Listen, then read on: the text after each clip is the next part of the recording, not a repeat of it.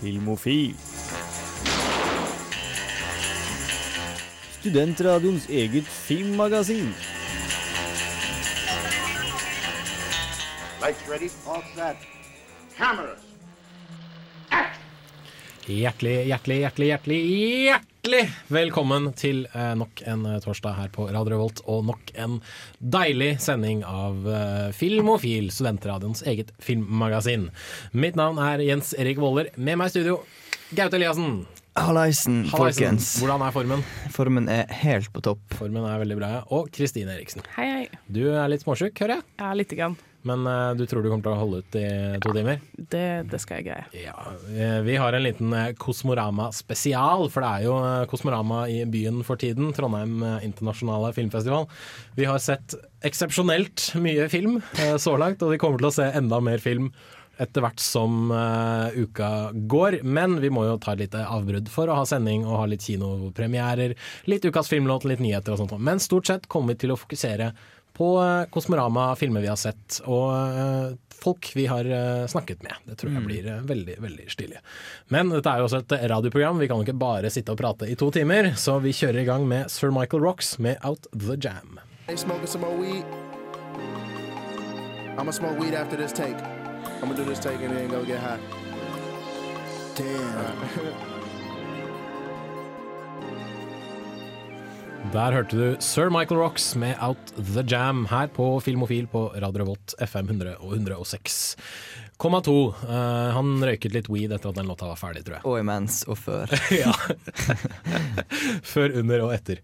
Men uh, Filmofil røyker ikke weed, de snakker filmnyheter.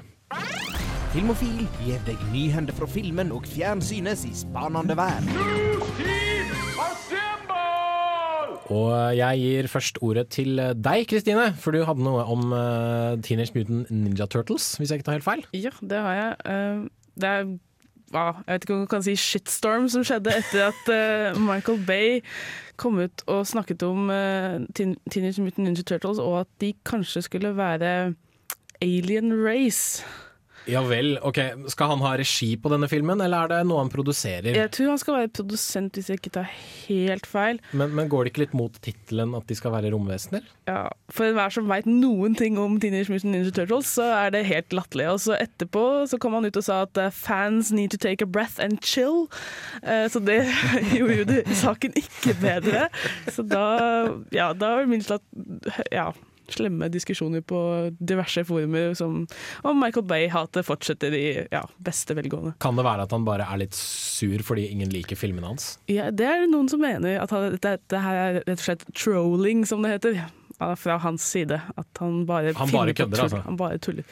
Så, men vi får krysse fingrene for, det, syns jeg. Aldri hadde du sett den filmen.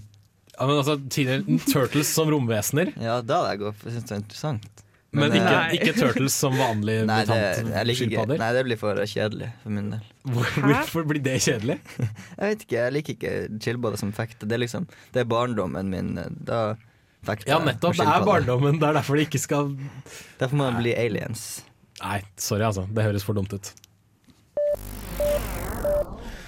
Eh, videre kan vi nevne at Disneys storsatsing John Carter, eller John Carter of Mars som den egentlig skulle hete, nå uh, kanskje blir tidenes største flopp. Ja. For uh, Disney kommer mest sannsynlig til å tape ca. 200 millioner dollar etter dårlig billettsalg og ræva eller mye markedsføring og diverse annet. Men var det ikke en animasjon eller tegneseriefilm som de ga for en stund siden, som også ble den tidens største floppa? Stemmer det. Eh, Den godeste Milo på Mars ja. gjorde det. Den kom i fjor.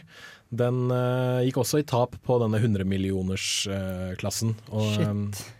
Disney. Disney, håper å, Disney håper å snu denne trenden opp ned, da, fordi eh, nå eier de jo Pixar, som kommer med Brave til sommeren, og de eier Marvel, som kommer med The Oi. Avengers til sommeren. Så de håper liksom at dette her skal hjelpe til med å snu, snu tapet. Da. Men eh, John Carter of Mars kosta faktisk 1,4 millioner norske kroner uh, å lage. Uh, så det er en av, filmens, en av tidenes dyreste filmer 1,4 millioner. Norske kroner Det høres jo jævlig lite ut, syns jeg.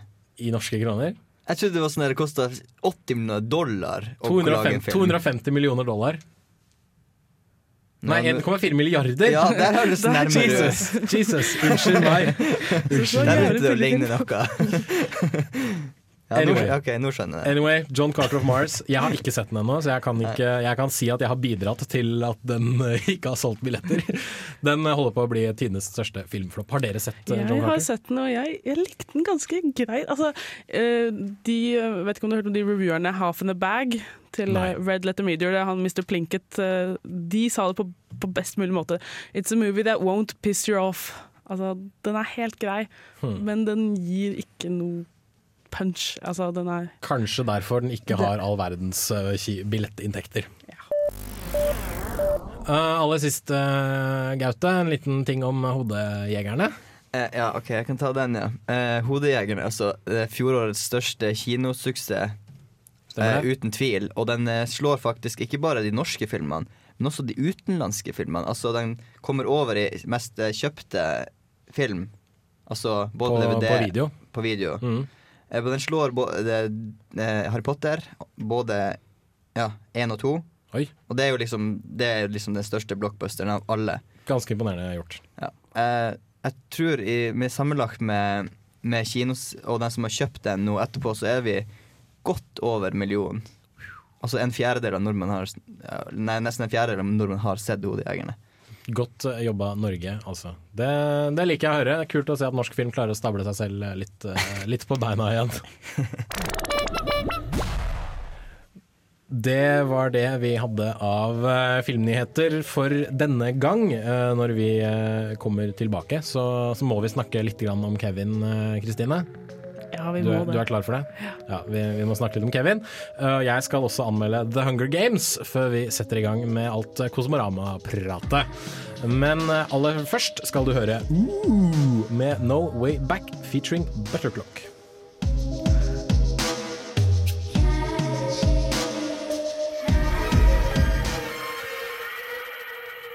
Uh, der altså, med No Way Back featuring Butterclock. Eh, det er en klokke som går på smør. Ja, selvfølgelig. er det det. Hvorfor ikke? Eventuelt Men- smøres med smør. Det er en dyr klokke nå til dag. Ja, ikke sant? Men smøres med smør? Hva vil ja, det, akkurat hva vil det eh, hjelpe? Ja, hvis du Går den fortere, da? Nei, det går bedre. okay. Akkurat som hvis du, Det er som oljen, liksom. hvis du ikke har olje på sykkelkjedet når den blir rusten, så tar du smør. Gjør man det? Det har jeg aldri gjort. Nei, men det går sikkert. Ja, ok, Nok om det, for eh, vi må snakke om Kevin. Ja, det må vi. Ja, vi, vi må nok snakke om Kevin. Uh, for dette er jo en film som heter We Need To Talk About Kevin, som har kinopremiere denne uka. Den har du sett, Kristine. Kristine. Ja, det har jeg.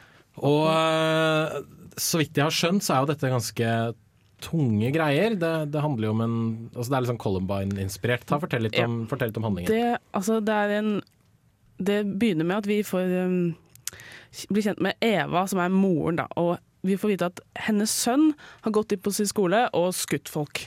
Mm. Og det er liksom det vi får på inntrykk av først. Også I løpet av filmen så får vi vite mer mer detaljer rundt hvordan det skjedde, og oppveksten til eh, Kevin, da, som Og liksom deres forhold, da, og hvordan hun egentlig hater han fra første stund, fordi han er sær, han er rar, han, han vil ikke gjøre det han skal. Han, for eksempel, han bruker bleie til han er jeg vet ikke, sju år gammel, bare for å irritere, rett og slett. Mens faren og etter hvert dattera, som blir født eh, eh, når Kevin er sånn tolv, kanskje, eh, de virker sånn Alt er helt Litt mer aksepterende. De, helt, de ser ikke at Ke hvordan Kevin er. Men er det en sånn film som, som skylder, skylder han på moren for, for det Kevin uh, gjør, eller er det bare det at han er merkelig som, som har gjort det? Begge, altså jeg tror den gjør litt av begge deler, for begge er sære. Altså moren er like sær som Kevin på mange måter. De er nesten som romvesener på skjermen, følte jeg. Og, og det er jo Tilda Swindon som spiller moren, og hun er litt sær. Ja, det, I seg selv. det, det vil jeg jo si. Så Eh, det hjelper kanskje ikke. Og Kevin spilles av en som ligner litt. Det er veldig sånn Du kan på en måte se at det er mye av hen, henne i Kevin. Og han har dette utrolige sinte, tomme blikket hele tida.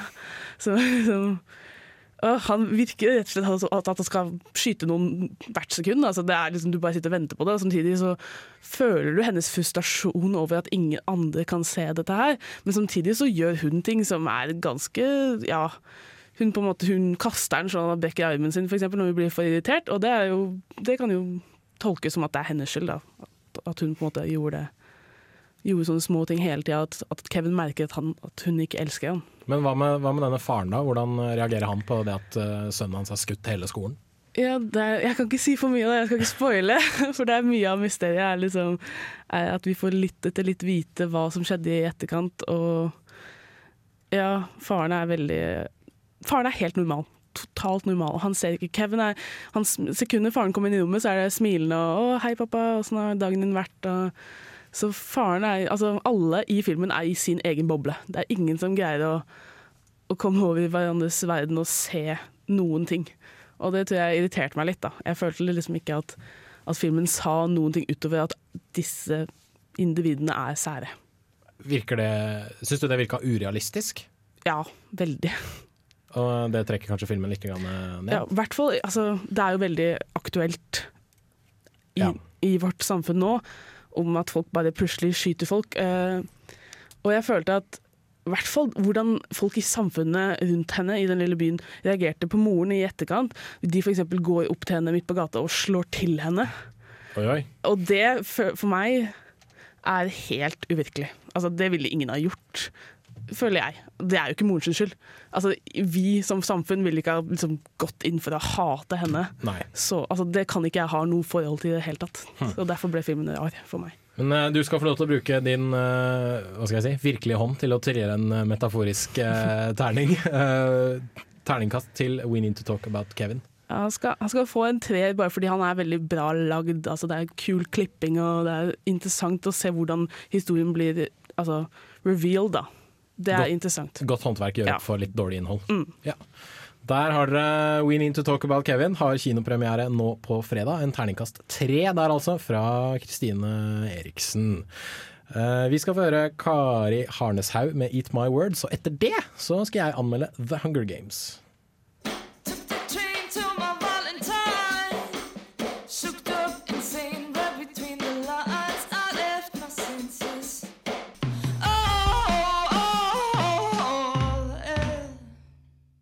Der hørte du Kari Harneshaug med Eat My Words her på Filmofil på Radio Volt, hvor vi fortsatt snakker aldri så litt om eh, kinopremierene denne uka, før vi eh, gamper videre til Kosmorama-diskusjonene. Eh, The Hunger Games, basert på boka av Suzanne Collins, har premiere nå på fredag. Er det noen av dere som har lest boka? Nope. Det har ikke jeg heller, eh, men vet du hva? Det trenger du egentlig ikke for å se filmen. Her har du min anmeldelse. We could do it, you know. Take off, live in the woods. They'd catch us. Well, maybe not. We wouldn't make it five miles. Dødslekene er verdens kjipeste realityshow. Tenk deg en blanding av Idol og Robinson-ekspedisjonen, der deltakerne i tillegg må drepe hverandre, så har du en viss peil på hva det hele handler om. Det er for så vidt ikke første gangen vi ser et slikt konsept på film.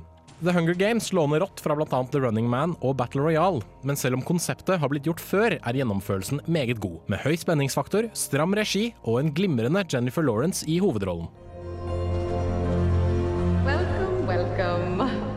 The time has come to select one courageous young man and woman for the honor of representing District 12 in the 74th annual Hunger Games. I en alternativ fremtid har Nord-Amerika blitt delt inn i tolv distrikter etter en stor borgerkrig. For å holde befolkningen i sjakk har regjeringen etablert de fryktede Hunger Games, eller Dødslekene. To ungdommer mellom 12 og 18 fra hvert distrikt velges ut til å drepe hverandre til bare én vinner står igjen. Dette er for å minne distriktene på regjeringens makt, samt straffe befolkningen for borgerkrigen. Når Katniss Everdeens tolv år gamle søster blir valgt til å delta i dødslekene, bestemmer hun seg for å melde seg frivillig som deltaker for å redde søsterens liv. Dette er starten på en hard kamp for tilværelsen, for vinneren av dødslekene vil bli overøst med nok gaver og rikdom til aldri å måtte bekymre seg for noe igjen. Premien kan gi Katniss en gyllen mulighet til å redde familien fra fattigdom og sult, samt gi håp til sine medbeboere i distrikt 12.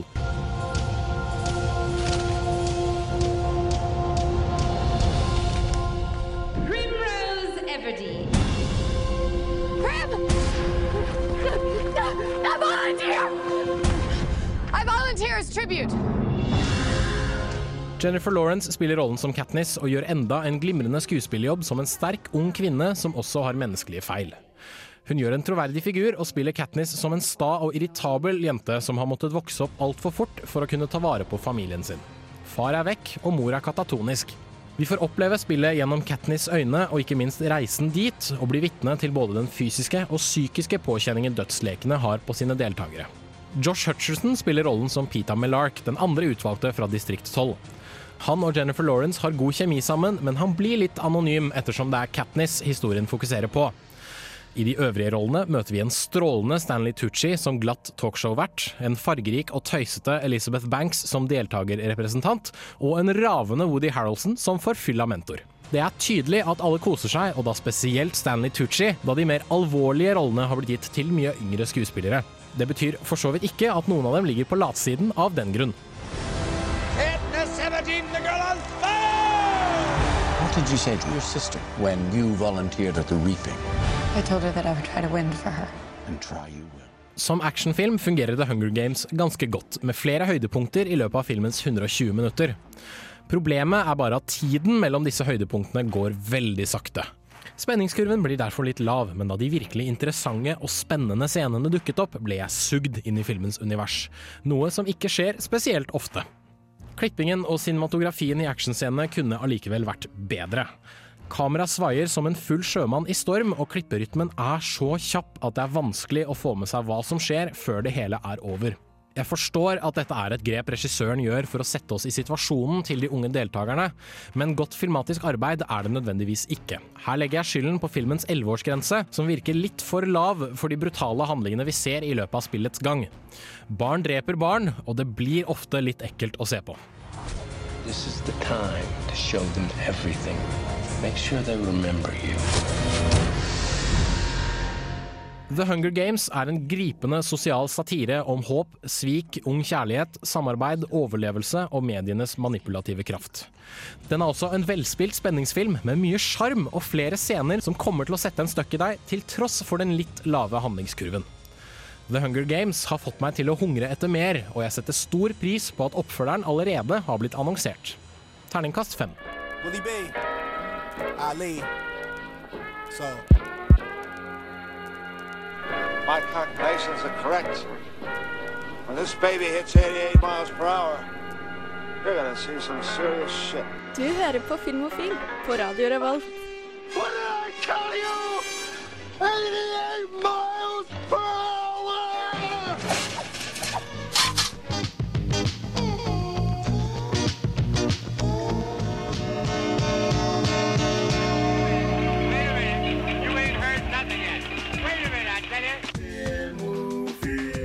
Listen var litt. Der var vi tilbake. Du hører på Filmofil på Radio Rolt. Du fikk eh, Mark DeMarco med I'm a Man. Før det så hørte du AB Soul med Show Love. Og før det igjen så anmeldte jeg The Hunger Games, som har premiere på fredag. Den vises også på Kosmorama på fredag, hvis jeg ikke tar helt feil. Så eh, løp og se, for jeg ga den en terningkast fem. Men fra kinopremierer til eh, Kosmorama-snakk. For det er jo Kosmorama, og vi dekker jo Kosmorama. Vi skriver masse anmeldelser på vår nettside radioholt.no slash filmofil. Men uh, jeg vil bare ta litt sånn generelt. Hva, hva syns vi om festivalen eh, så langt? Har det vært, har det vært gøy, Grete? Ja, det har vært morsomt. Jeg, har jo mest sett, eh, jeg har jo sett film, men jeg var jo også Jeg var på kanon, Kanonprisen da. Ja, Så det hvordan, kan jeg jo- hvordan gikk det? Snakk litt om det. Det var, det, kanonprisen er jo den prisen som gir Filmbransjen gir ut priser. De har en jury, så gir de ut priser til norske filmer. Det er Litt liksom sånn norsk Oscar. Norsk Oscar, og det var akkurat sånn det var. Det var, det var en konferansier som var Thomas Seltzer. Eh, jævlig morsom type, syns jeg. Jævlig kul og moderne humor. Han eh, snakka om at eh, manuset var skrevet av han der han eh, Vogt, eh, han der han sønnen til Øyvind Vogt? Ja, men jeg vet ikke om det er sant eller ikke, for det, det var noen sånn litt drøye greier som sylta på han. da for at det var Ah, ja, ja, Men det kan jo være, for de skriver jo manus Ja. hit og pine. Men han var morsom, og så var det sånn at det var kjente norske folk som, eh, som ga ut prisene. For eksempel Jeg husker ikke noe nå, men det var Det var mange kjente folk, og imellom der igjen var det også um, musikknummer, som det er. Og der var det norske musikere, eh, eller kjente folk, som sang sine favorittlåter fra filmer. Ah, ja. Altså filmelåter. Sånn som Noe spesielt verdt å nevne? ja, Lido Lidesen uh, I Just Wanna Be A Cat fra, fra Aristokattene, som han jo gjorde på sin egen måte. Og hadde, det var litt teit, for han gjorde det på Spellemannprisen, men han hadde en trommesolo i midten av den sangen der også. Og eh, en morsom mann der han ene fra eh, Datarock hadde en versjon av Transformers-sangen, som var jævlig morsom. Og så midt i sangen tok han på seg Optimus Prime-maske. Bare Optimus Prime! Så ja, det var jævlig bra show. Eh, masse kjente folk som var der. Og, ja, og og hoved, vi- hovedvinneren var vel Oslo 31. august? Var Oslo 31. august, som vant syv av tolv priser. Og deriblant alle de gjeveste prisene. Også beste regi, eh, beste manus, eh, beste mannlige skuespiller, beste birolle, som faktisk var delt med Sven Nordin. For Oi, det, det er jo sånn at det stemmer stemme fram den vinneren, så de Ja. har fått like mange stemmer Sven Nordin og Hans Olav Brenner, som, så begge dem vant. da Men eh, Oslo 31. august eh, var den absolutte vinneren. Jeg satt med, i stol eh, med bordet attmed der Oslo 31. august-gjeng satt, og der satt sjampanjen løst, så det kom alltid en ny flaske. For jo mer, mer priser de vant, jo mer liksom, det ble liv og rør rundt i bordet. Så. Stilig, stilig, stilig. Uh, du Kristine, du, eh, dette er jo din første Er det din første filmfestival, eller? Ja, det er det. Det er det, ja. Og ikke minst din første filmfestival som journalist. Hvordan, uh, hvordan syns du det har gått så langt? Har det vært slitsomt? Det har vært slitsomt til tider, spesielt å være litt småsyk er ikke gøy. Av alle uker i hele året å bli litt småsyk, så er det ikke denne jeg ville valgt. Nei. Men det har vært kjempegøy eh, ellers. Det har bare vært inn og ut av kinosalen så mye jeg kan. Så, og det har vært så gøy å bare fortelle folk om det. det Brife litt til venner, det er alltid gøy. Så ja, det Har du, har du sett mye bra film? Ja, en del, en del bra, noen dårlige. Men eh, de fleste var Noe Ja. du har lyst til å trekke fram sånn uh, på tampen med en gang? Uh, jeg likte veldig godt The Woman in Black. Mm. Den, uh, den håper jeg mange ser når den kommer på kino. Jeg tror den skal komme på kino etter hvert. Det burde den i hvert fall. Godt valg av Kosmorama der, altså. Ja.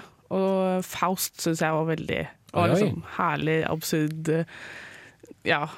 Den er så Altså, du trenger ikke å vite noe særlig om Faust eh, for å like den. Jeg har altså, jeg bare hørt om Faust, jeg har lest litt om det og sånne ting. Men den var så absurd og grotesk og ja, genial at den eh, den, den likte jeg bare helt godt. Det kommer mange som hater den sikkert og ikke skjønner den. Det skjønner jeg godt at folk gjør. eh, Men hvis du på en måte faller inn i den der bisarre fantasiverdenen, så, så tror jeg du kommer til å like hvert sekund. Hvor mye film har det egentlig blitt på begge to? Jeg har sett eh, ni, så tre hver dag fram Ja. til Kristine? Skal vi se Det blir ca. samme tid. Ja. Cirka, ja. Det blir sånn tre-fire hver dag.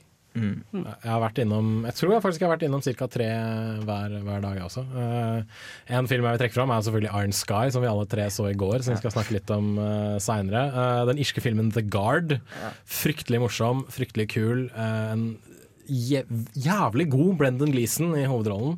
Uh, en fransk-kanadisk film som heter Starbuck, som har det syke premisset at en mann i 20, da han var 20 har donert veldig mye sæd, som ble brukt 533 ganger, sånn at han fikk 533 barn. Hvorav 142 av dem skal, vil vite hvem han er, da, så de går liksom rettens vei for å finne ut hvem han er. Kjempemorsomt. Uh, mye, varm, mye, skjarm, eller mye varme, mye sjarm uh, osv. Mye varme, mye sjarme. Ja, ikke sant? Eh, her rimes det, vet du, i Filmofil. Uh, så det var litt grann, eh, generelt prat om Kosmorama. Når vi fortsetter, så skal vi uh, Tenkte jeg kunne snakke litt om åpningsfilmen. Den har jo både du og jeg vært innom uh, Gaute. Ja. Så, og I tillegg så har jeg jo aldri fått til et eh, aldri så lite intervju med de medvirkende i filmen. Så dette tror jeg blir, eh, blir bra. Vi eh, sparker i gang vår Kosmorama-prat med Jesse Ware og 'Running'.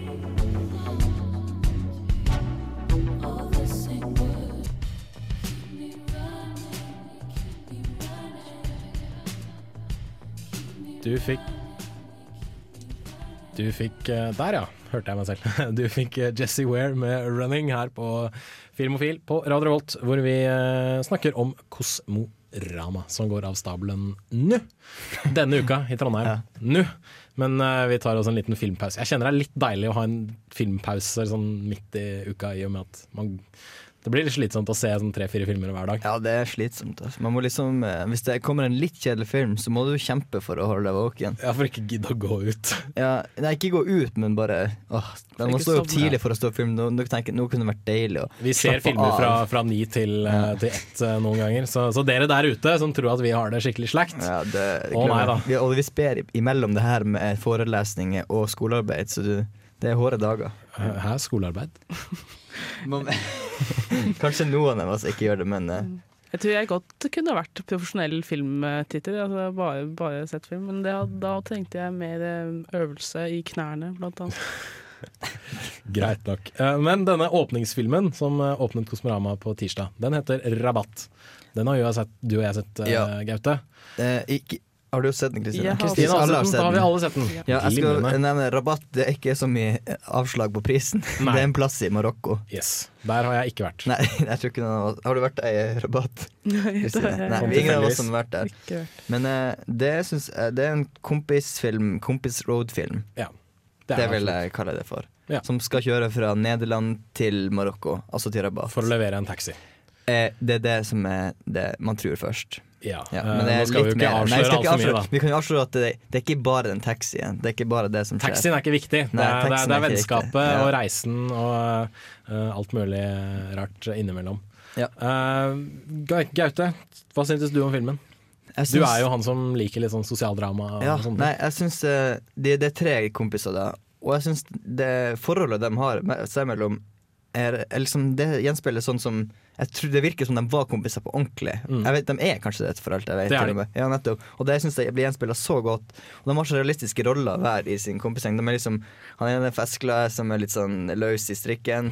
Og så har vi en som er Han, han, han tynneste. Hva, han er liksom? Han er liksom litt imellom, da. Ja. Og så har du han litt sånn Og så har du liksom som en seriøse som liksom hold, kanskje holder litt grep på de der andre to, men, eh, alt- men han er en god del gjenger, men liksom må passe litt ekstra på det. Jeg føler at alle gjenger har en sånn også. Så. mm. Så du likte vennskapsforholdet i filmen? Ja, det var en spesielt en situasjon som Ja, så for eksempel sånn slåssing om shotgun-regelen. Ja. Det er gøy, for det har jeg vært med på så mange ganger sjøl.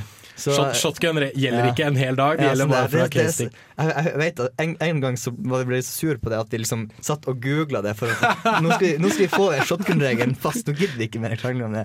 Så sånne der småting syns jeg gjorde filmen eh, veldig bra. Ja. Og krangelen om sengeplasser, ikke minst. Ja. Det, det Ja, var hvor de to kompisene bare slenger seg i en- ja. Driter fullstendig i noen, noen krangler i det hele tatt. Det, Her skal vi være. Jeg kan faktisk innrømme at jeg kjenner meg igjen i akkurat den situasjonen. Hvor man er ute og reiser med noen venner, og så kommer man til et hotellrom, og så kaprer alle en seng med en gang, og så sitter du igjen da med den, der, den sammenlengbare driten med verdens hardeste madrass. Det føles som du har ligget på gulvet hele kvelden. Kristine, uh, likte du Rabat? Rabatt? Det er jo kanskje en litt sånn guttefilm? Nei, det syns jeg ikke. Ikke? Altså, det er, det er gutter i den, da, kan du si, men jeg syns ikke det var noe spesielt guttete utover det. Altså, den Jenter har roadtrips, de òg, skjønner du. jeg har vært på mange, mange roadtrips, og ja, jeg kjenner meg veldig godt igjen i mange av eh, situasjonene. Det å bare liksom, ta ting som det kommer, og bare si ja. Altså Mm. aldri si nei til en roadtrip. Liksom. Mm. Og det som skjer på roadtripen heller også, må Mm. man ta med åpne armer. Mm. Så jeg, jeg likte den veldig godt. uh, fordi at altså, ikke bare var den altså, Ikke bare var det kameratene som, altså, veldig ekte, men du følte liksom at Du følte at du var med som en eh, ja, fjerde passasjer.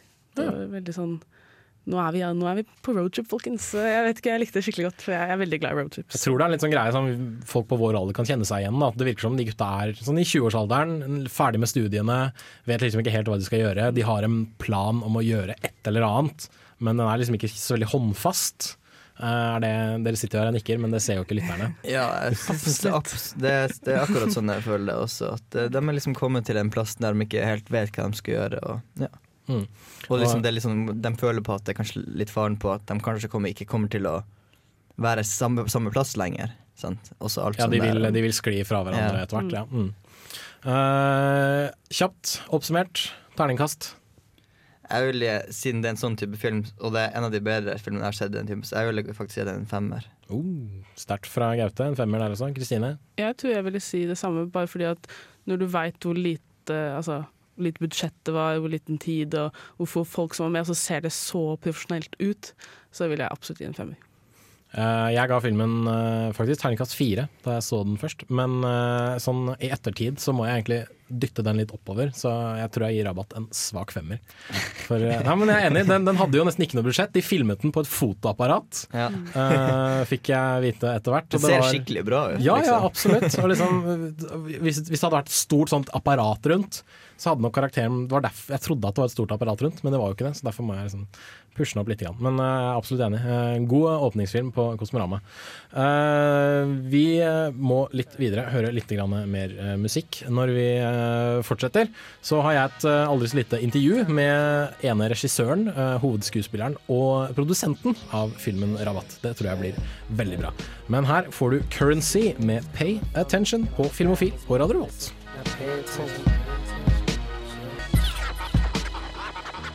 Okay, so I'm standing here with Nasser Dinchar. Julius Ponton. My name is Jim Tutu. and uh, you, this is the uh, leading, ca- uh, the main actor and the producer and one of the directors of the movie uh, Rabat, which uh, opened uh, Kosmorama here in uh, Trondheim. Uh, first off, uh, congratulations Thanks. on. Uh, Tusen takk. Tusen takk. uh, what what's it feel like uh, being chosen as uh, the opening film of uh, of this film festival? Yeah, it's uh, it's great. It's like uh, like uh, having a birthday or something. It's like uh, it's fun. It's really nice. We're really hon- honored. Yeah, it was a it was a little bit of surprise because you you don't know you don't expect there are so many films, so many festivals, and then finally you are here in Norway, so it's perfect. Uh, so this movie, uh, it's a, a road movie. Uh, I saw it uh, yesterday, uh, and I liked it uh, quite a lot actually. Uh, where did the uh, idea come from to, uh, to for this uh, script? All the ideas I, based on a couple of ideas. First of all, the, all the three actors are really good friends of us, and we're just like actually we we've been a group of friends for the past five or six years, and uh, there was this uh, wish and like a dream to make a movie together, and then uh, there was uh, there was instantly there was the idea we should make a road movie, we should make a movie about friendship, about Europe. And um, yeah, it was a cheap way to do it as well. It's a very low budget movie. This we made it ourselves. We uh, we did actually we put together the money for it ourselves. It wasn't funded. It wasn't uh, uh, not not uh, supported by broad, broadcasting channel or anything. So this was the like the easiest way to just like shoot on like gas stations, uh, highways, uh, the apartment of a friend in Barcelona. It's it was an easy an easy, easy way to make a movie. And it's But- pre-produced Yeah. in, in, in a way. I mean, they have seen all those places where we're we filmed, but uh, because of the fact that we did a road movie, we, we, we got a lot of gifts from from the yeah from what we see, from what you see, from from the weather, from uh, the people and street, uh, till till everything. Yeah. And have any of you ever gone on a trip like this before? Because it's it's quite a, a, a good solid way to, to experience the world and experience new cultures. Yeah, I did it once from Holland to Morocco, but I did it in like 24 hours. So it was like only driving through Europe. So I didn't see Europe like like I did it with this movie. If you live in Holland, it's it's it's uh, you can drive like in one or two days to like Spain or Italy. So when I was a child, we, we would always like with my parents just drive off to like Italy, and it's like a two-day drive, and it's kind of the same like this, I guess, like making sandwiches uh, on the way and uh, sleeping in cheap hotels. It's uh, I think I think you, I don't think you guys from Norway drive down to Spain, so. That, that was the thing I, I was wondered for like the Norwegian uh, audience if they could picture themselves like in the rest of it's like it's pretty like a European movie.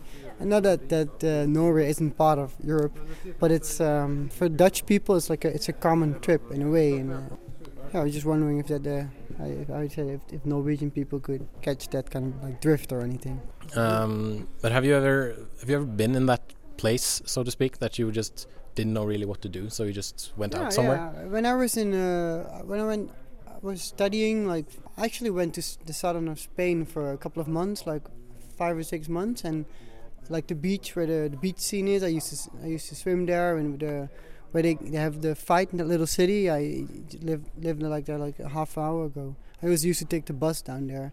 Try, so that's uh, from quite common to if you're like 20 or 21 it's like if you travel by yourself then, then you get a lot of time to think and uh, I, I didn't go to Spain. I just I, I just went to the local supermarket and worked there for like six months because I didn't know what to do.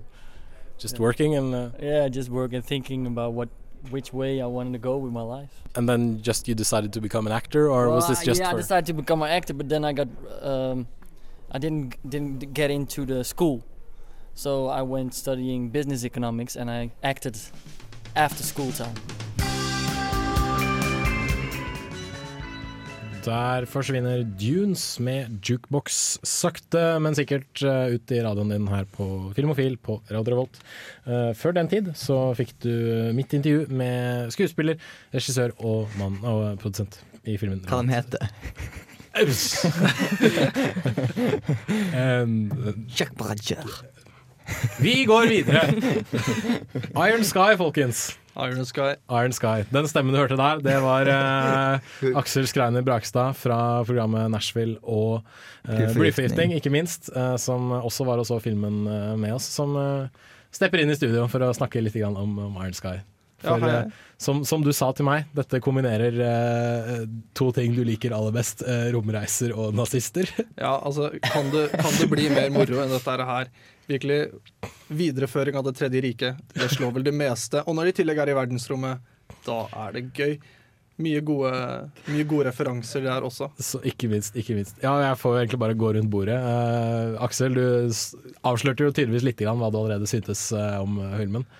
Ja, altså, det er jo en film av og for nerder, helt klart. Ja, det er jeg enig i. Altså, mengden referanser var jo bare Du sitter der og bare peker ut referanser, der, der, der, der, der, Mm. der. Men jeg synes jo det gikk bra. Altså, det er kjedelig med produkter som kun bærer Som kun går på referanser. Community kan bli for selvrefer altså refererende hele veien. Mhm. Det kan bli for mye, men det gikk, ble ikke for mye i Iron Sky. Og jeg hadde det kjempegøy, i hvert fall. Uh, Gaute, du har et litt uh, annet eh, ståsted. Ja, for det jeg er jo kanskje den som er minst glad i sånn overkill-greier her. Ja. For noen ganger blir det litt for ekstremt for min del. Fordi at Og jeg er ikke så jævlig god på referanser som dere er heller. For det med jeg tok en del, men jeg skjønner jo at eh, dere flirte jo på helt merkelige plasser. Jeg bare sånn What? Hva er det her dere flirer av? jeg, jeg, jeg tror jeg og kanskje fem andre i hele Nova 1 var den eneste som lo av 'This is just like playing Wing Commander'. Ja, er sånn, jeg vet at det er et gammelt spill, men er det gøy? Ja.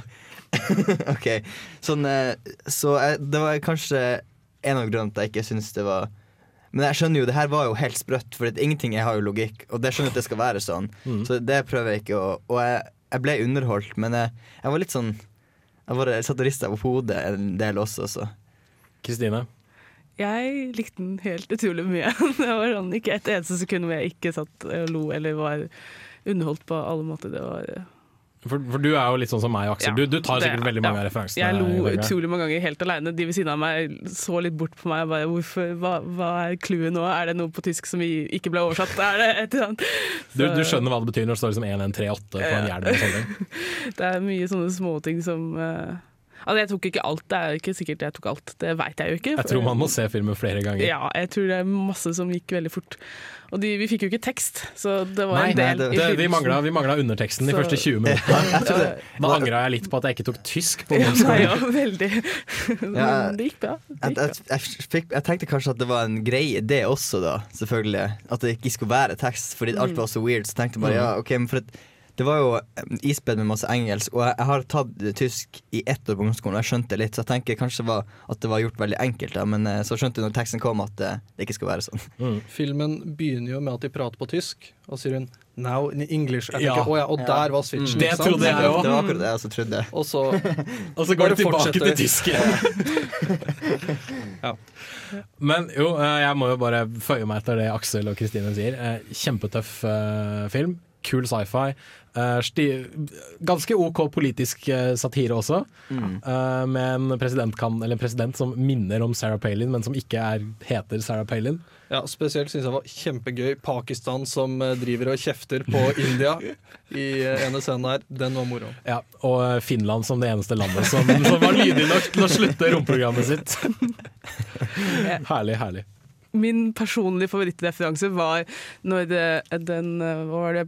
Eh, eh, manageren til presidenten tar i brillene med en eh, vaklende hånd, og så er det helt klart en Untergang-referanse til de grader gjennomført. Altså, det var genialt. Da, da tror jeg jeg begynte å grine av latter. Herlige greier, herlige greier.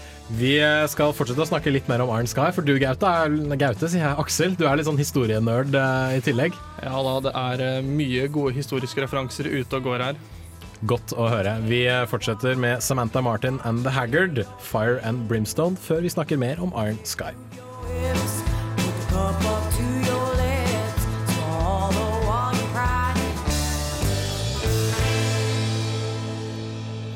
Der hørte du Samantha Martin and The Haggard, Fire and Brimstone. Og litt passende, syns jeg, når vi snakker om eh, Iron Sky. Mye ild og metall og jern og, Grasping at straws. Kjeften din! Ta, ta skru av mikrofonen til Gaute. yes, uh, Aksel fra Nashville og Blyforgiftning er fortsatt eh, i studio. Uh, historiske referanser i Iron Sky. Ja, og eh, det var en del ute i går. Det var, jeg likte spesielt godt De kjørte jo Wagner når amerikanerne angrep tyskerne Ja. i, inni der. Det er jo selvfølgelig filmreferansen, men Wagner var jo også yndlingskomponisten til Hitler. En av de få jo- komponistene han eh, lot eh, fortsette å jobbe Mm. under Mm. andre verdenskrig. Ja, nettopp. Så det var morsomt der. Jeg synes Så sa de Am 45 schießen wir zurück. Sånn ungefær var det det han sa. Og Ja. det er den tyske krigserklæringen til Polen 1.9.1939. Det var Ah. da. Da sa de nå har vi blitt skutt på, og så skyter vi tilbake 5.45. Hmm. Så det var litt sånn bare, da, da ble jeg litt slått ut. For det, ble, det var veldig spesifikt. Det husker jeg fra en dokumentar jeg så for 18 år siden. For første gang fått nytte for akkurat det. da Så filmskaperne har liksom virkelig gjort researchen sin. da. Ja, det var veldig ryddig gjort å ta den, syns jeg. Mm. Og dette store eh, krigsskipet, det heter jo Götterdammerung. Det er vel også en Mm. Ja, Wagner-referanse, vel, tror jeg. Fra Nibelringen. Er det ikke det den heter? Den Jeg tror det. også. Skal vi, skal vi slå det opp? Ja, gjør det. Men det, det er jo en Wagner-referanse jeg er faktisk sikker på. Mm. Uh, fortsett å snakke mens jeg slår opp. Ja, altså I det hele tatt veldig bra gjennomført. Uh, vi så den derre månebasen til nazistene.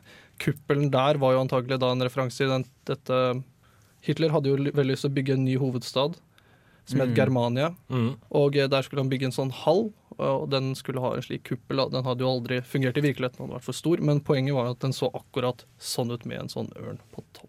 Stilig. Og dette svære månebasen var jo en diger hakekors. Ja. det er jo det herligste. Uh, Gutter Dammerung, eh, du hadde rett. Uh, fra eh, Der Ring des Nibelungen. Ja, Så riktig der, altså.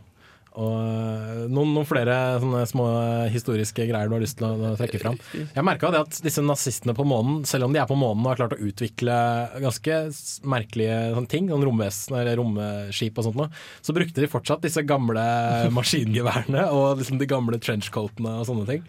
Ja, det, så jeg. det var eh, mye, mye bra der. Det er mye som du Jeg har plukket opp dette fra spill og film osv. gjennom tiden, og da man ser det mye av stemmer, og det, det er moro. Mm.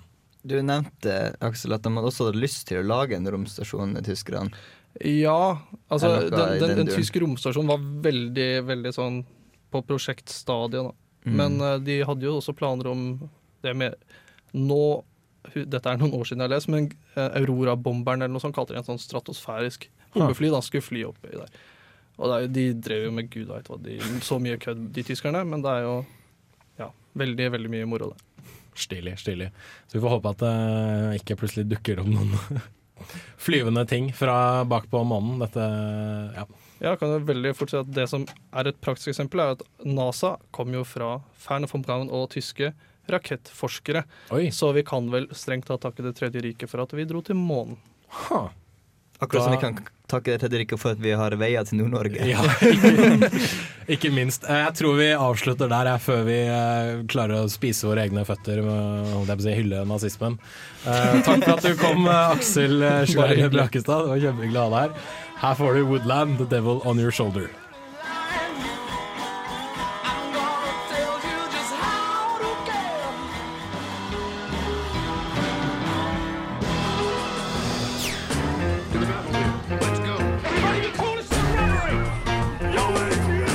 Dette er Filmofil. Film, fjernsyn, skuespillere, kamera, action. Ja, rubb og stubb her på Radio Revolt.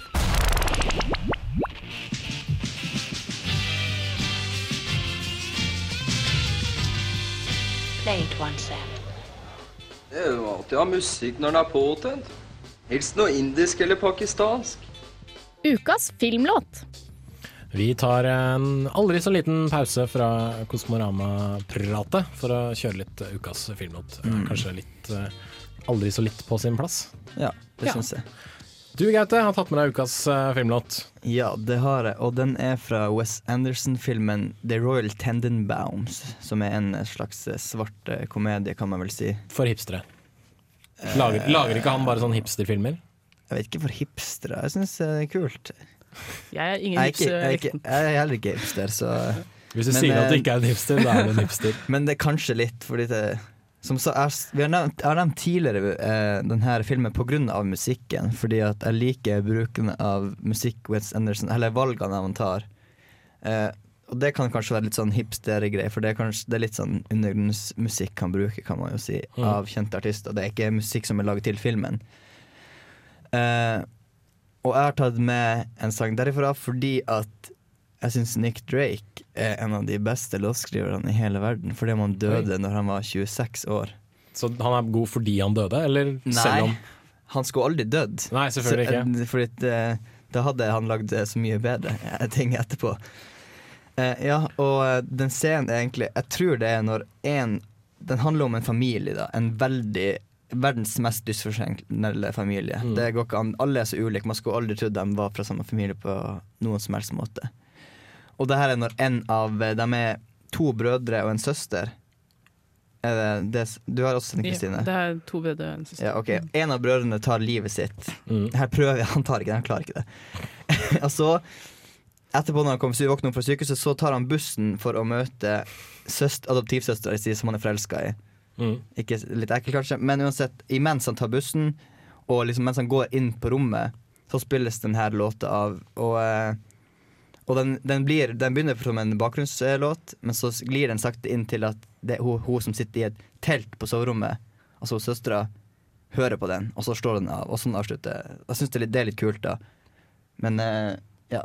Sangen er altså 'Fly' med Nick Drake. Vi kjører på ukas filmlåt.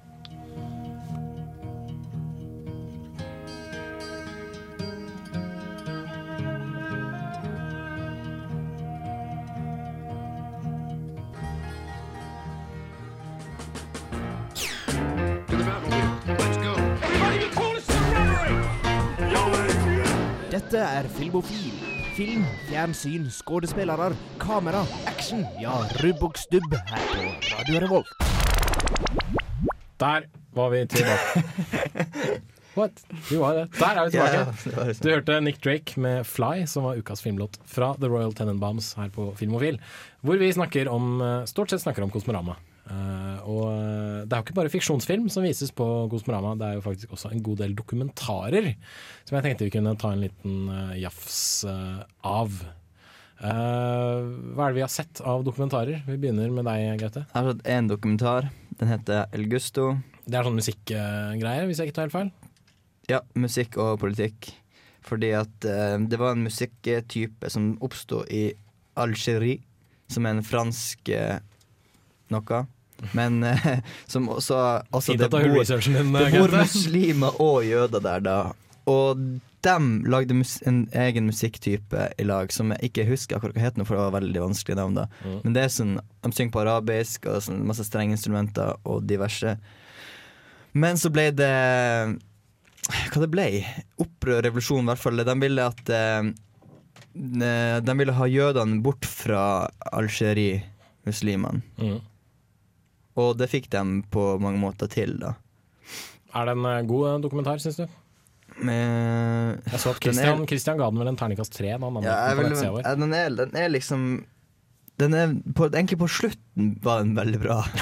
Men midt i så ble det som sagt som Kristian sa, veldig mye politiske visvas, og det hadde ikke jeg trodd at det skulle være. Nei. Jeg ville akkurat som Kristian ha at det skulle være litt mer fokus på musikken, for når det, det kom fram, så var det veldig bra. Den, på slutten så er det liksom at da møtes de igjen. Da er det én jente, da, som får det alltid her til å skje, fordi hun møtte en eh, En som han solgte speil nå, da, i Algerie. Mm. Al Algerie? Algerie. Heter det Algerie? Ja, Algerie.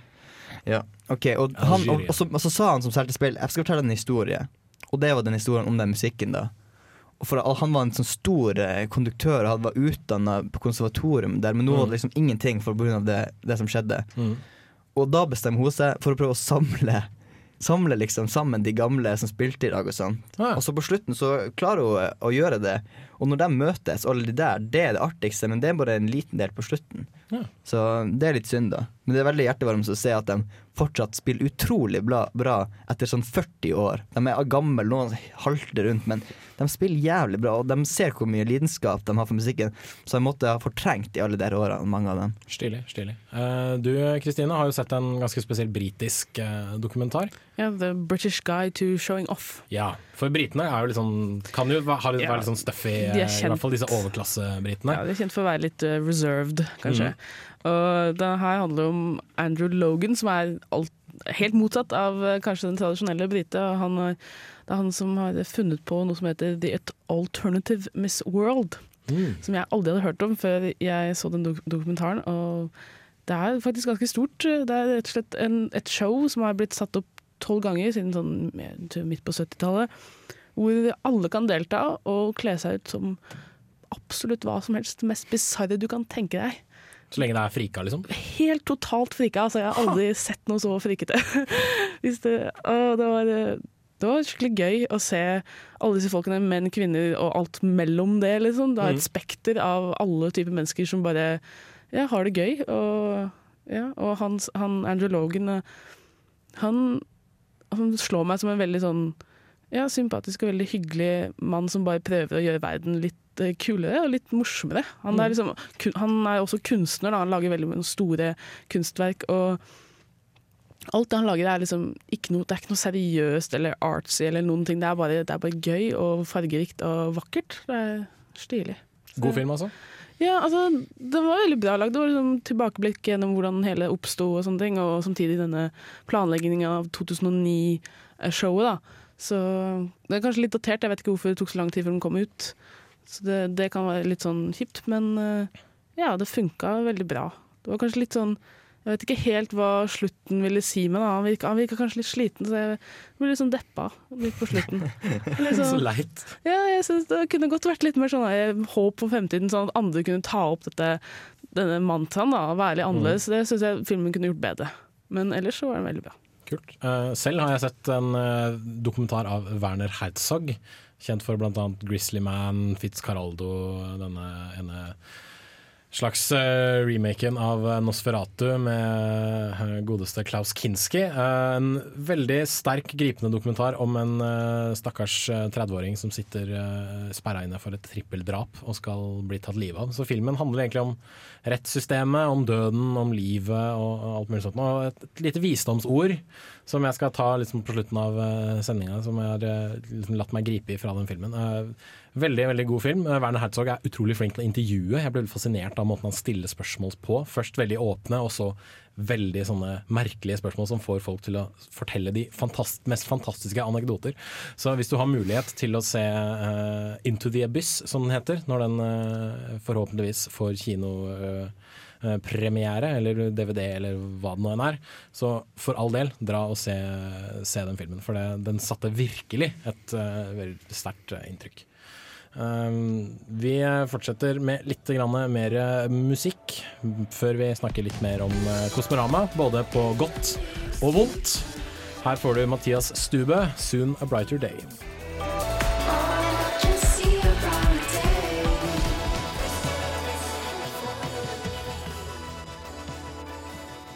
Mathias Stubø der altså. 'Soon a Brighter Day' forsvinner sakte, men sikkert i radioapparatet ditt. Eller eh, nettleseren, hvis du hører på oss på stream.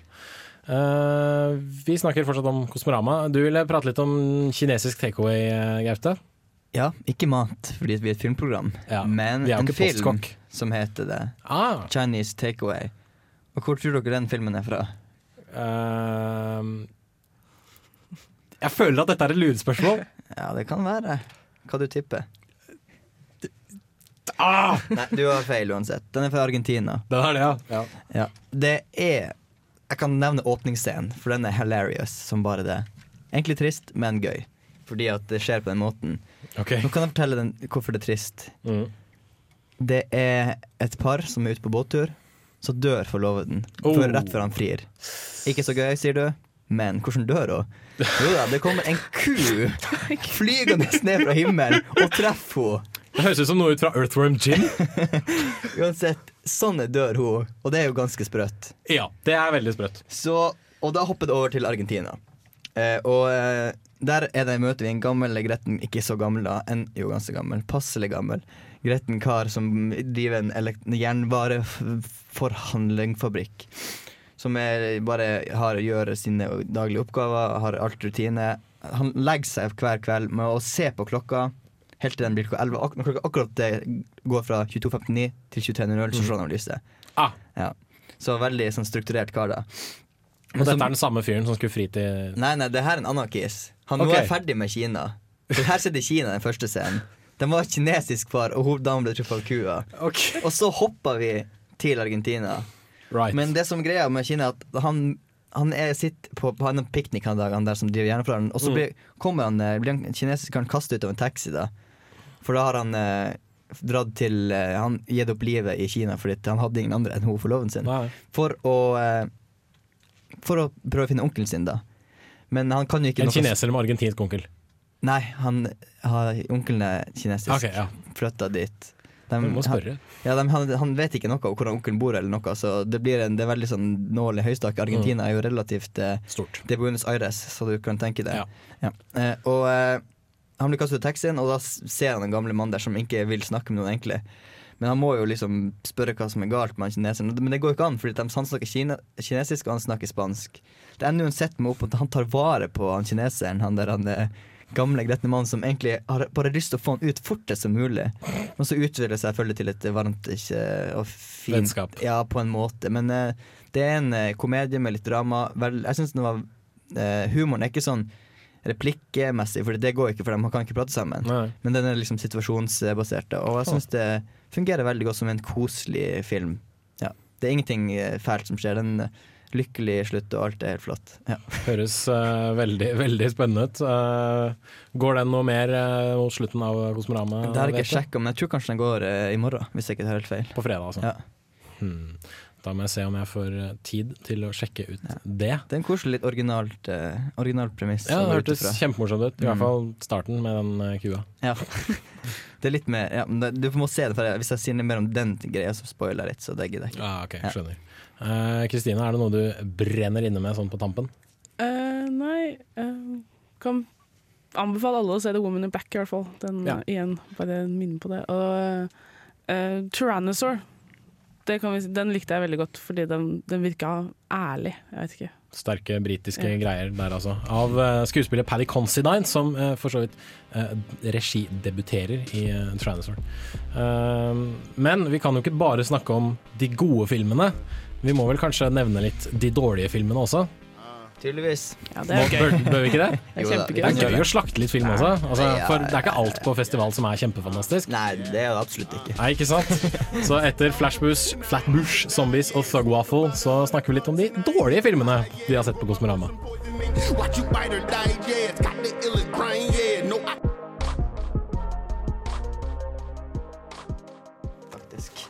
Der eh, forsvinner Flatbush Zombies eh, med Thug Waffle.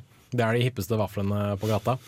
Garantert. Garantert. Dem som Du- eh, bor i gettoen. Yes. Du hører på Filmofil på Radio Revolt, hvor vi snakker om Kosmorama, og nå de dårlige filmene på Kosmorama.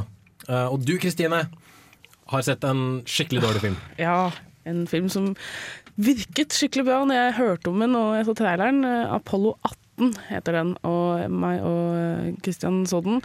Og vi syns begge den var veldig dårlig. Den- Dette er, dette er sci-fi-skrekk, er det ikke det? ikke bare sci-fi-skrekk, men found footage sci-fi-skrekk. som Ah, alt, som kanskje kan ringe en liten uh, varselbjelle der. Mm. Den uh, Premisset er da at vi får vite at uh, Apollo 17 ikke var den siste uh, månelandingen. Og de har da funnet dette opptaket, som viser seg at Fant de det da på månen, eller? Nei, de har funnet det i ja, NASA-arkivet, og så har de satt okay. det sammen, og så skal vi liksom vise det. Du kan gå på lunar, lunartruth.com eller noe for å vite sannheten. Mm. og så eh, er dette fire Nei, tre, unnskyld, tre eh, mannfolk som skal opp og uh, sette igjen noe sånn derre uh, skanner eller et eller annet sånn som skal passe på at ikke russerne kommer opp dit. Da. Sånn high-tech greier fra Defense Department, og så viser det seg at Det er 2012, og vi bekymrer oss fortsatt for hva russerne gjør. Ja. Det, okay. det, altså, det er lett, lette folk å, å bruke. Så, Ja. Men så viser det seg at eh, russerne allerede har vært der på månen. Så finner de eh, kosmonauter som er drept på en rar måte. Altså, ja. Og så er det et monster på månen. Uh, ja. De er, jeg, har ikke, jeg vet ikke om jeg skal spoile særlig, men det er jo mest patetiske monstrene på månen jeg noensinne Nå, nå må du nesten avsløre det. Det er steiner. Hva? Steiner. Er Månesteiner som ser ut som krabber når de beveger seg. Steinkrabber, så det ut som. Eller, Wow. i, I starten trodde jeg det skulle være noe skikkelig alien-aktig, fordi du ser liksom at det er noe som kryper inni hjelmen på han ene. Det ser, det ser ut som det er liksom ekkelt og gooey, men så etterpå så ser du at det er en helt klart stein som bare får bein og begynner å krabbe. Så Steinmonstre som ikke puster luft, altså. Ja, altså, ja. Og veldig mange av dem, da. Altså, Ja, og det som irriterte meg aller mest med det greia, at, at ok, det her er beviset, denne filmen er beviset på at de kan ikke ha faka månelandingen. De som tror på den konspirasjonsteorien der, her er beviset, for de greier ikke å fake det nå, og de greier ikke å fake det da. Det her, de hadde ingen, ingen som har sagt til dem at vi har en sjettedel av gravitasjonen på månen. Ingen som har sagt det til dem. For de gikk og vandra rundt Som om det var på jorda. som om det var på jorda. Jeg, jeg merka ikke noe Altså, de prøvde liksom innimellom å hoppe kanskje litt, og han løfta jo den roveren lett, selvfølgelig, men det var så mange ganger hvor de bare vandra rundt som om ingenting var annerledes. Irriterte vettet ut av meg, og ja det var mye Altså, hele found footage- footage-konseptet er jo veldig Tåpelig. ja. Men når de i tillegg da ikke greide å helt å få det til å stemme logisk, at det var mange ganger de filma fra vinkler som du helt klart skjønte at der var det ikke, et kamera, det er helt umulig.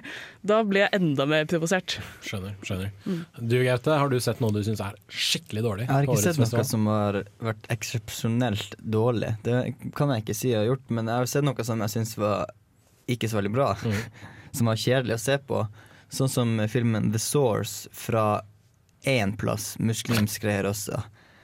Jeg veit altså ikke. Men eh, OK, det er en en, en liten landsby. En muslimsk landsby. Der eh, det er tradisjon at eh, kvinnen drar opp og henter vann langt oppi Fordi de har eneste vannkilden deres, eller nærmeste, da. Mm. Og, men eh, før var det jo også at eh, mannfolkene de, de gjorde jo ikke det fordi de for på k- krig og uh, for ut og jakta, men det trengte de ikke nå lenger. Så det fører til at mannfolkene sitter egentlig på ræva hele dagen, mens kvinnfolkene må gå opp der. Selvfølgelig. Og selvfølgelig hvis de er gravide også. Og så er det flere ganger at de ramler og mister masse barn.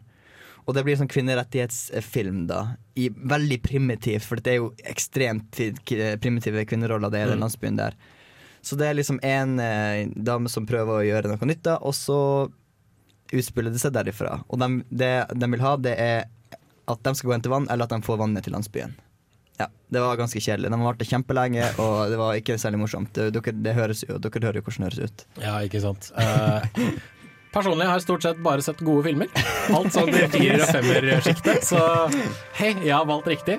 Uh, litt spent på Death of a Samurai, som fikk en treer fra deg, Kristine, på nettsidene våre. Men uh, jeg tror det blir bra. Jeg har troa på Takashi Miike. Uh, men hold deg unna Apollo 18, og eh, gå inn med et uh, åpent sinn når du ser The Source. kommer du til å elske The Source, Ja. sikkert. Jeg vet faen. Her får du Intertwine med So What. Når vi fortsetter, trekker vi konkurransen fra forrige uke.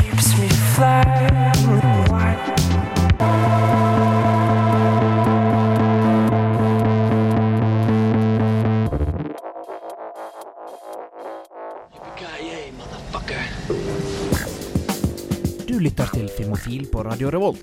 Besøk oss gjerne på våre nettsider på radiorevolt.no filmofil. Der finner du meldinger av kino- og videopremierer, og i tillegg podkast av alle våre sendinger. Har du ris eller ros, tips eller triks, kontakt oss gjerne på elektronisk post. Filmofil, krusedull alfa, radiorevolt.no. Der var Filmofil tilbake. Du hørte Intertwine med So What. Og eh, vi skal trekke en konkurranse som Christian hadde forrige uke. Christian er ikke her i dag fordi han eh, jobber litt med masteren sin. Det må han jo få lov til. Vi er jo alle studenter, sånn stort sett. Er vi ikke det? Ja, det har, Siste ja, det, man har hørt at man, det er jo ting som Netterne er også timer. Da kan man sitte og jobbe med masteren så mye man vil. Det er sant. Men uh, vi, vi, vi, jeg tillot Christian å jobbe med masteren sin, i hvert fall. Men ja, denne konkurransen Uh, Christian spilte litt musikk i uh, åpningen vår. Eh, den var hentet fra en spesifikk film. Eh, den filmen var Forest Gump. Det Den var- har jeg sett. Den har jeg også sett. Den er regissert av Robert Zemeckis, av alle mennesker. Hmm. Samme fyren som gjorde Back to the Future. Ja, ja. Det er jo dritbra filmer, da. Ja, ja, absolutt. Men jeg bare synes det, det er veldig interessant at han kan lage to så forskjellige filmer.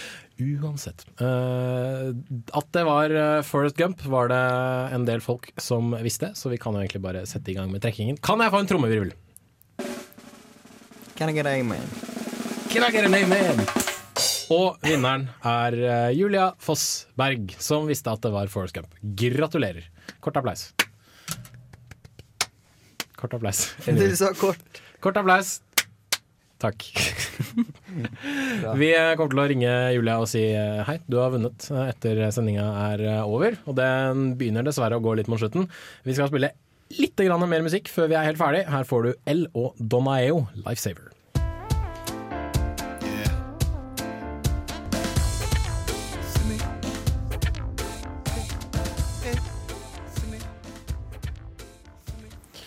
El Donaeo og Lifesaver der altså. Du hører på Filmofil på Radio Revolt, FM 100 og 106,2. Som dessverre begynner å gå mot slutten. Eh, vi har hatt en fullstappa sending med både kinostoff og Kosmorama-stoff. Kort oppsummert kinopremierer. Eh, We Need To Talk About Kevin fikk en terningkast. Tre, for å være snill. Jeg fikk en terning, snill terningkast tre. The Hunger Games fikk en terningkast eh, fem av meg. Løp og se hvis du liker action og litt sosial satire og litt uh, sånne ting. Uh, alt av vårt Kosmorama-stoff fins på våre nettsider radiovolt.no filmofil. Vi er de som eh, dekker Kosmorama best av alle i hele Trondheim. Liker vi å tro. Jeg vet det. Jeg Faktisk. Vi var uh, først ute med anmeldelse av Å, herregud. eh, Killist, tror jeg, blant annet. En adressa. Ja, ja, det er sikkert flere enn vi er før enn dem. Ja, ikke sant? Det syns jeg er litt kult. Så eh, vi, vi skryter på oss eh, den statusen som de som er best til å dekke Kosmorama i Trondheim. Uh, I verden. I verden. Greit. Eh, ellers, eh, lik oss på Facebook. Facebook.com slash filmofil. Eh, du kan laste ned podkasten vår på radiorolt.no podkast. Uh, finn oss også i vårt Stream on Demand-arkiv. Der kan du høre eh, alle, alle sendingene våre pluss eh, musikken, selvfølgelig. Eh, dagens tekniker har vært Kjersti Anderdal Bakken. Hun har gjort en fantastisk eh, fin eh, jobb. Hun sitter og hytter med nevene til oss og ber oss se til helvete og bli ferdig. Mitt navn har vært Jens Erik Våler. Med meg i studio har jeg hatt Gaute Eliassen og Kristine Rokkan Eriksen. Og husk på, til neste gang, når du virkelig er fornøyd med livet, så begynner du å se på hva fuglene gjør. Vi hørs. Her får du Willis Earl Beale med Monotony.